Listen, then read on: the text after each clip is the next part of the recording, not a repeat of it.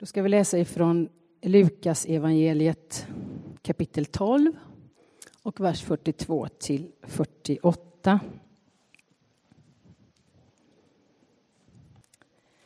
Herren svarade Tänk er en trogen och klok förvaltare som av sin herre blir satt att ta hand om tjänstefolket och dela ut maten åt dem i rätt tid.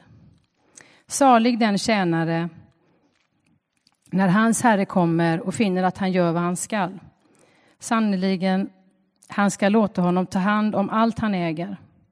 Men om den tjänare tänker, det dröjer innan min herre kommer och så börjar slå tjänstefolket och äta och dricka sig full. Då ska hans herre komma en dag när han inte väntar honom och vid en tid som han inte vet om och hugga ner honom och låta honom dela lott med de trolösa.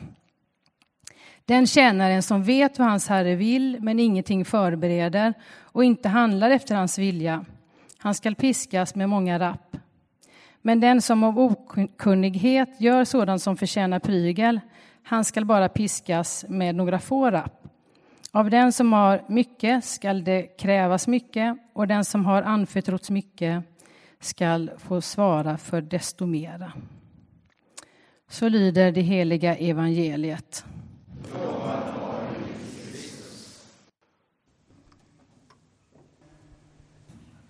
Så ber vi om nåden, möjligheten att ta vara på ditt ord en dag som denna.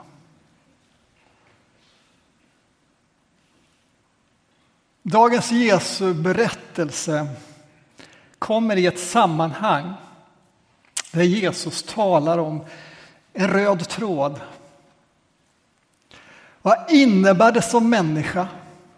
Vad innebär det som kristen? Vad innebär det som kyrka? Att leva i ljuset av framtiden.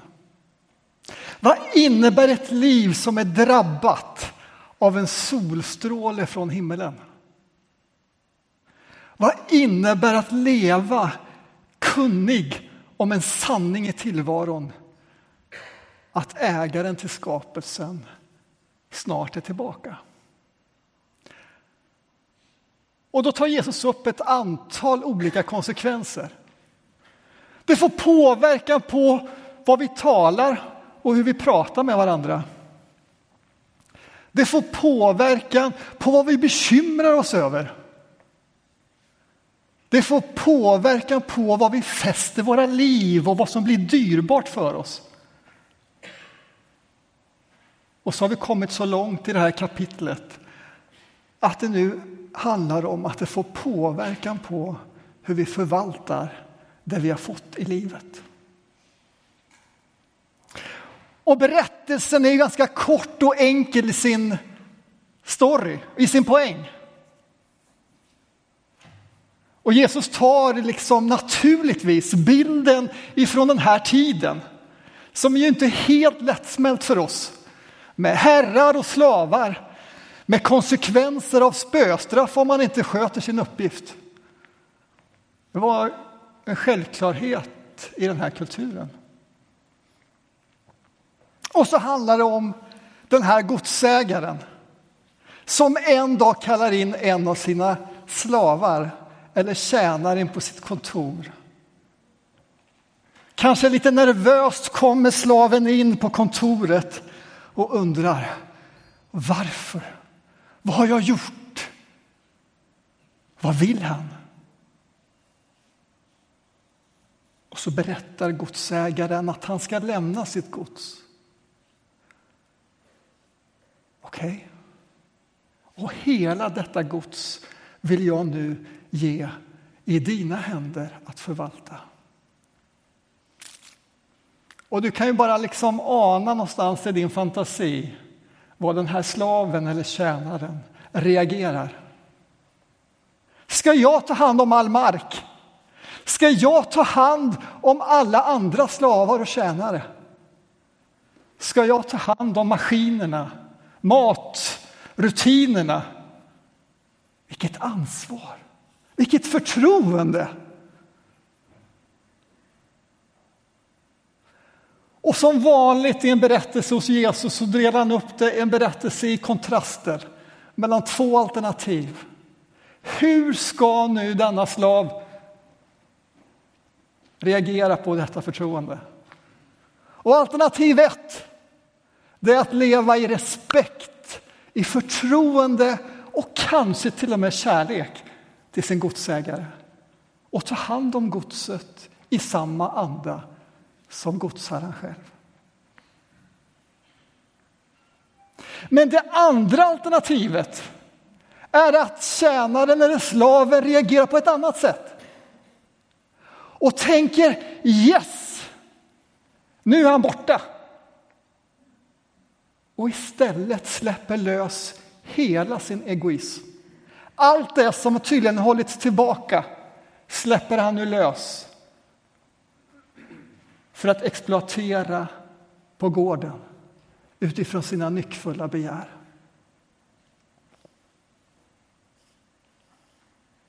Och så är den enkla poängen att godsherren kommer tillbaka och behandlar slaven eller tjänaren naturligtvis på olika sätt beroende på hur han har gjort. Det låter ju ganska rimligt. Och i satt till helheten då av det här kapitlet så blir ju poängen att ja, gods, skapelsens godsägare kommer tillbaka och naturligtvis vill se hur vi har skött hans gods. Jesus kommer tillbaka.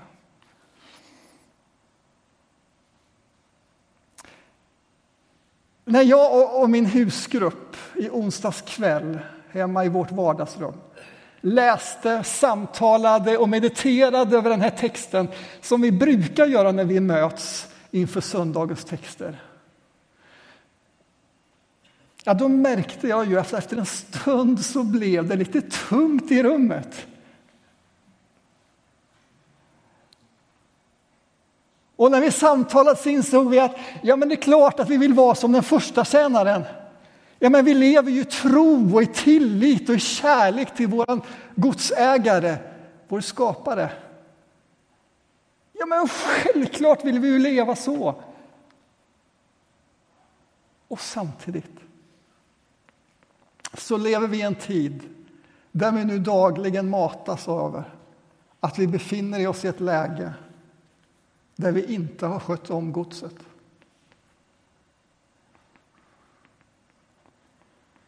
Dagligen, vi kan bara se ifrån veckans eh, ledarsida så ställer sig GPs ledarskribent Adam kanske en av vår tids existentiella stora frågor.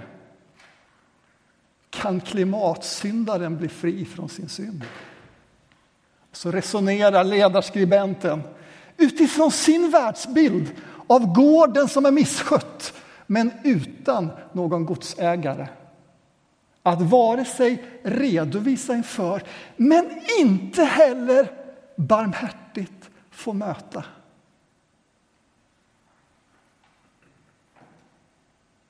Därför att å ena sidan så finns det naturligtvis här, eller hur?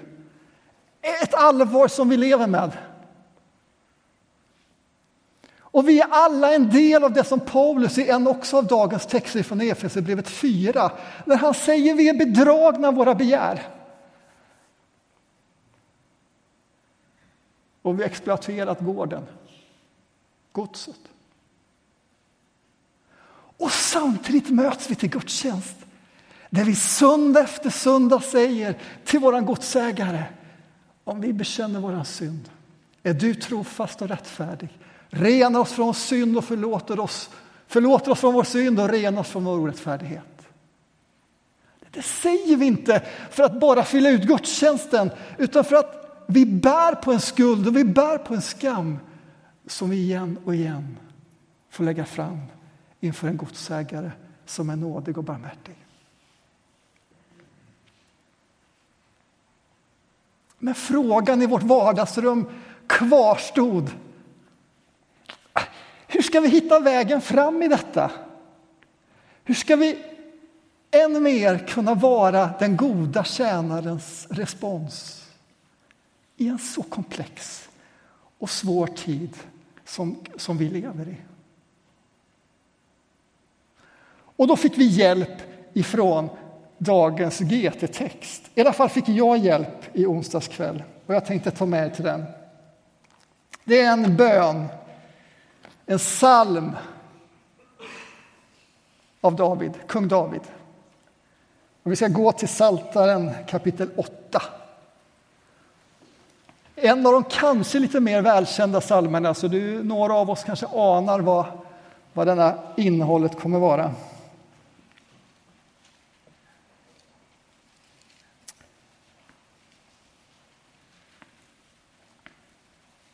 Jag vet inte sidan i de röda biblarna, men ni får leta fram eller kanske ta hjälp av en granne.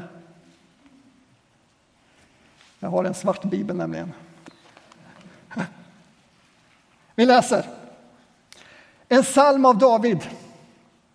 Herre, vår Herre, eller härskare. Väldigt är ditt namn över hela jorden. Jag vill besjunga din himmelska prakt med ett barns och dibarns mun.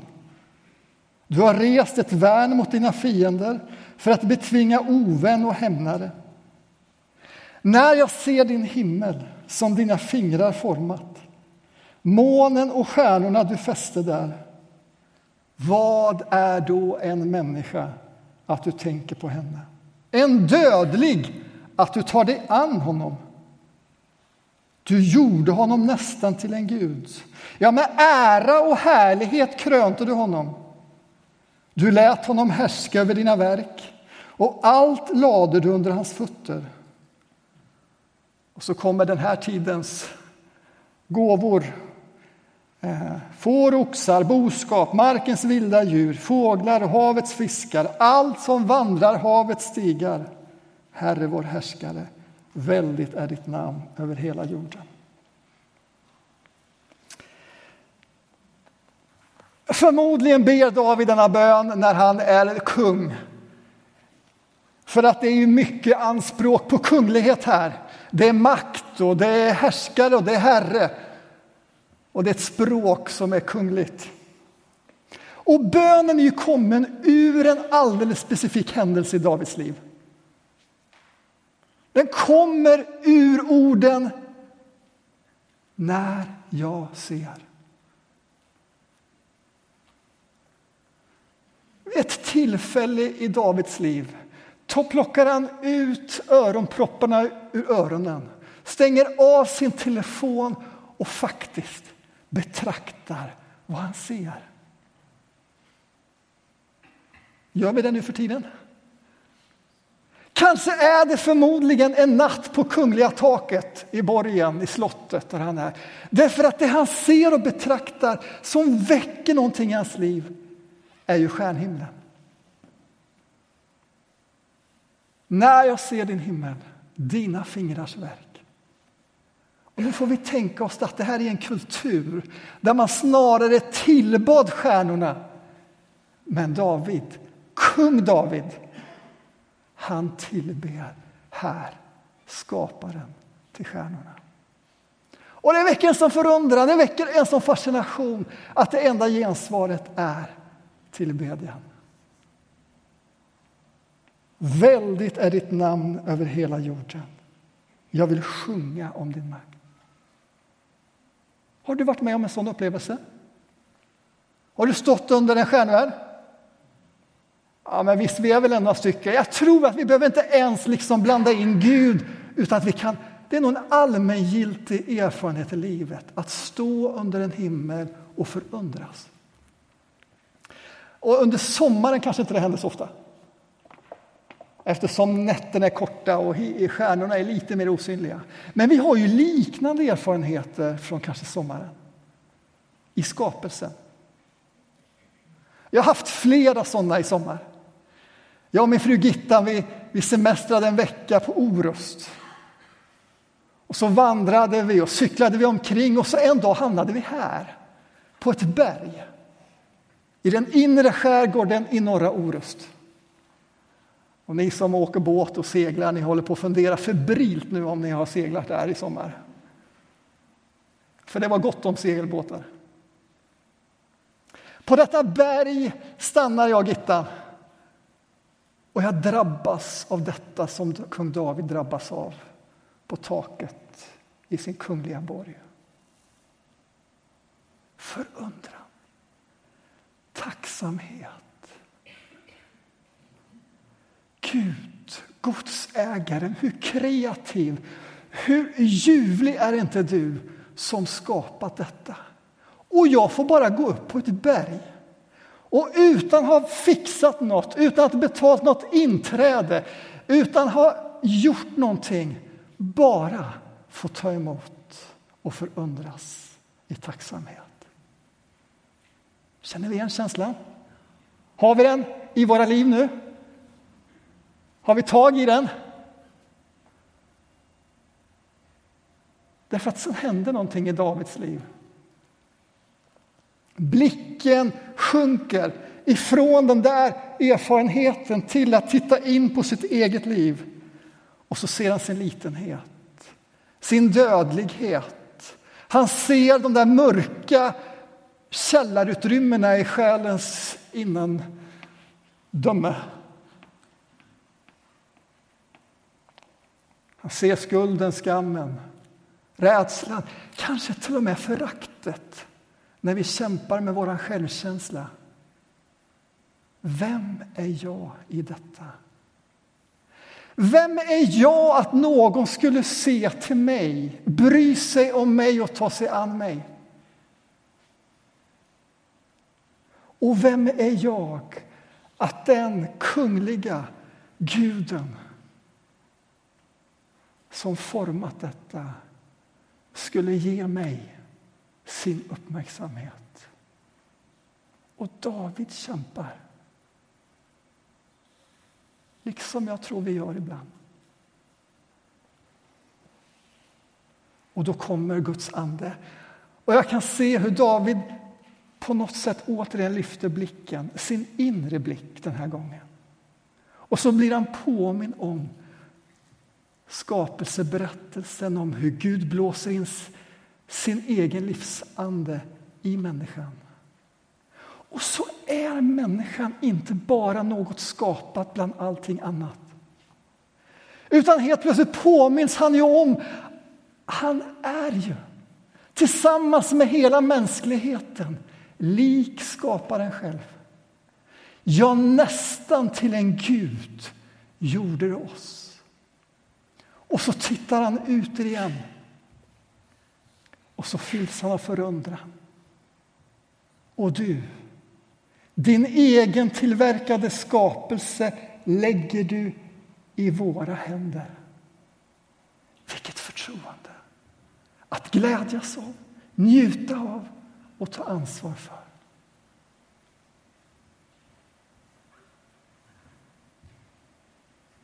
Och nu är vi tillbaka i berättelsen på kontoret hos godsägaren. Han har precis lagt sitt gods i slavens händer. Och i vardagsrummet hemma hos mig där vi liksom brottas med skulden och skammen och funderingarna kring vår tid så drabbas vi av någonting. Kan förundran, tacksamheten att växa i det var en hjälp för oss att hitta vägen fram. Jag skulle vilja ställa en viktig fråga som jag skulle vilja att vi inte glömmer bort utan verkligen tar med oss idag. Ska vi se. Vad skulle hända om den där erfarenheten som David har på borgens taket den där natten eller som jag hade där på berget på Orust eller som du och jag haft kanske på olika ställen i sommar. Det är bara förundran, tacksamheten fyller oss. Om vi tog med oss den in i hösten, in i staden, i vardagens stress och myller och komplexa liv. Vad skulle det göra med oss? Några exempel. Vad skulle det göra med den där pressen att vara framgångsrik med sitt jobb eller med sina studier? Om vi såg på våra kompetenser, våra utbildningar våra förmågor och intressen som ytterst goda gåvor ifrån Gud. Vad skulle hända med stressen över inför hösten att hinna med allt? Om vi såg varje ny dag, inte som en rättighet, inte ens som en självklarhet, utan som en ny gåva ifrån honom. Vad skulle hända med den gnagande oron på natten? Att inte orka med allt. Om vi såg på våra liv och våra kroppar som en högst begränsad resurs och gåva ifrån skaparen.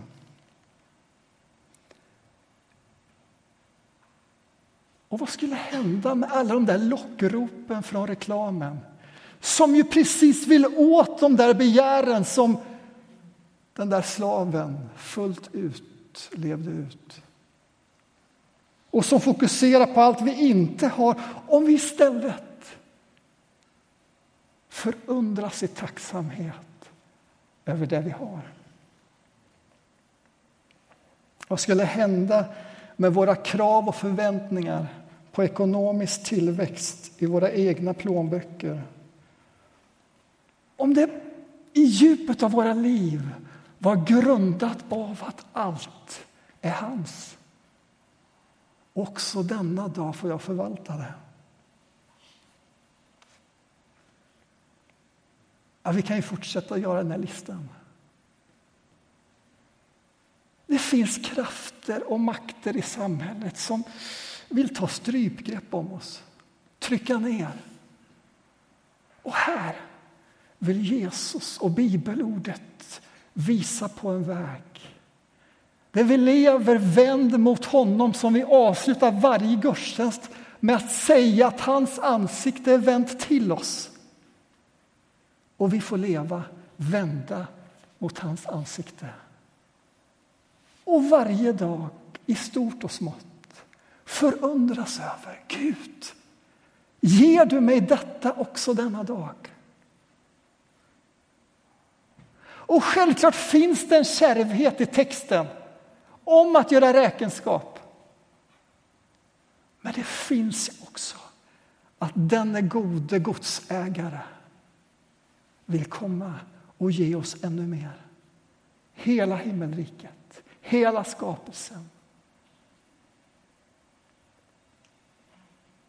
Och vi som stämmer in i tillbedjan i gudstjänsten, vi har en annat dimension än ledarskribenten på GP som bara är utlämnad, i alla fall i sitt skrivande, till godset utan någon godsägares godhet och barmhärtighet.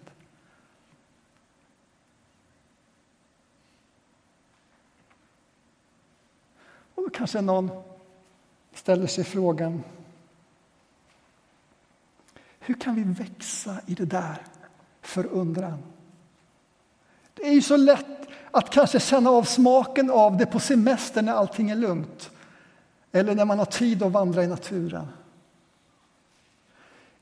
Hur kan vi växa i det, odla det också när vi nu går in i hösten? Det är naturligtvis en nåd att bedja till Gud om, men det är också medvetna val.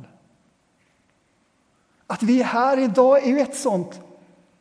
Yes, jag tänker gå till kyrkan och tillsammans med folket tillbe Gud, tacka honom för allt det han sträcker emot oss. En annan sån där god övning kan vara att på kvällen se tillbaka på sin dag som man kanske har stressat igenom och se, var det någonting av Guds godhet som han ville ge mig den här dagen som jag missade? Som jag tog för given, som jag tog som en rättighet, en självklarhet, när det var en gåva. Och så får jag avsluta dagen med att säga mitt tack. Wow! Åh, underbart, tack! Och ibland också bekänna, där blev jag inlurad, bedragen av mina begär.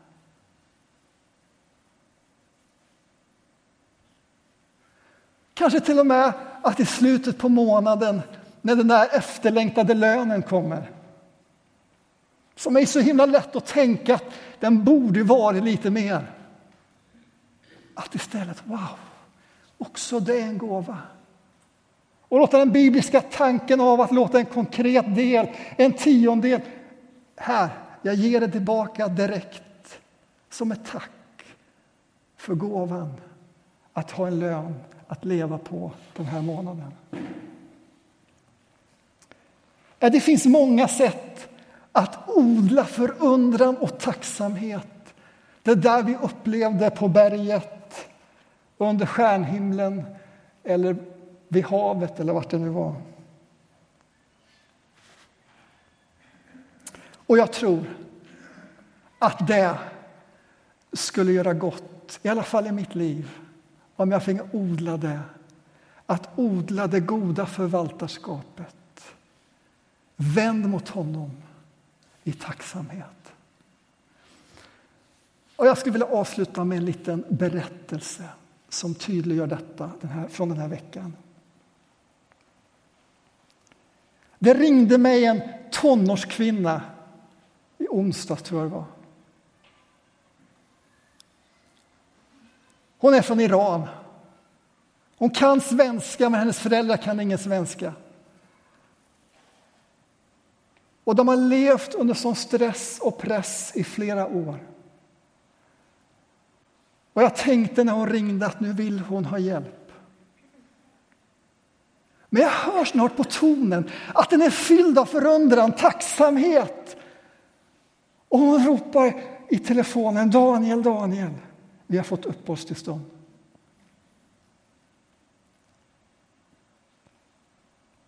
Och sen säger hon, jag ringer för att jag vill uttrycka om min familjs vägnar tacksamheten till Saronförsamlingen för att ni vecka, månad efter månad, år efter år i flera år har hjälpt oss.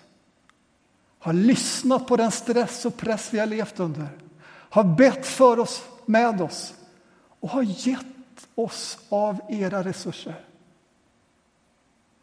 Nu hoppas vi att vi ska klara oss. Men tack för att ni var trogna i det. Hon kanske inte sa exakt så, men det var den andan. Och jag fylldes i det telefonsamtalet av förundran och tacksamhet. Tänk att få vara del av Guds kyrka. Få vara en del av ett förvaltarskap av Guds hushåll och Guds ekonomi. Där vi får göra just detta och få låta människor få ledas till, upp, till, till tacksamhet till Gud. Ska vi be.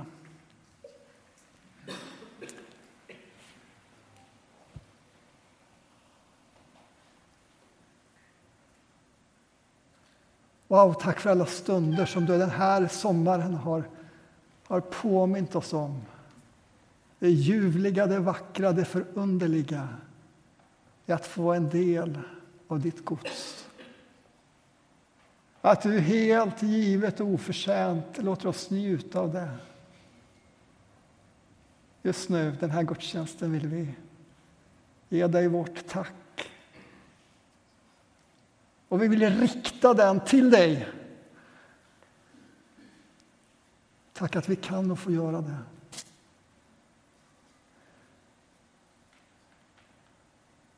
Och så ber vi om nåden och vi ber om din Andes hjälp att få leva i detta också i vardagens för många intensiva och komplexa liv.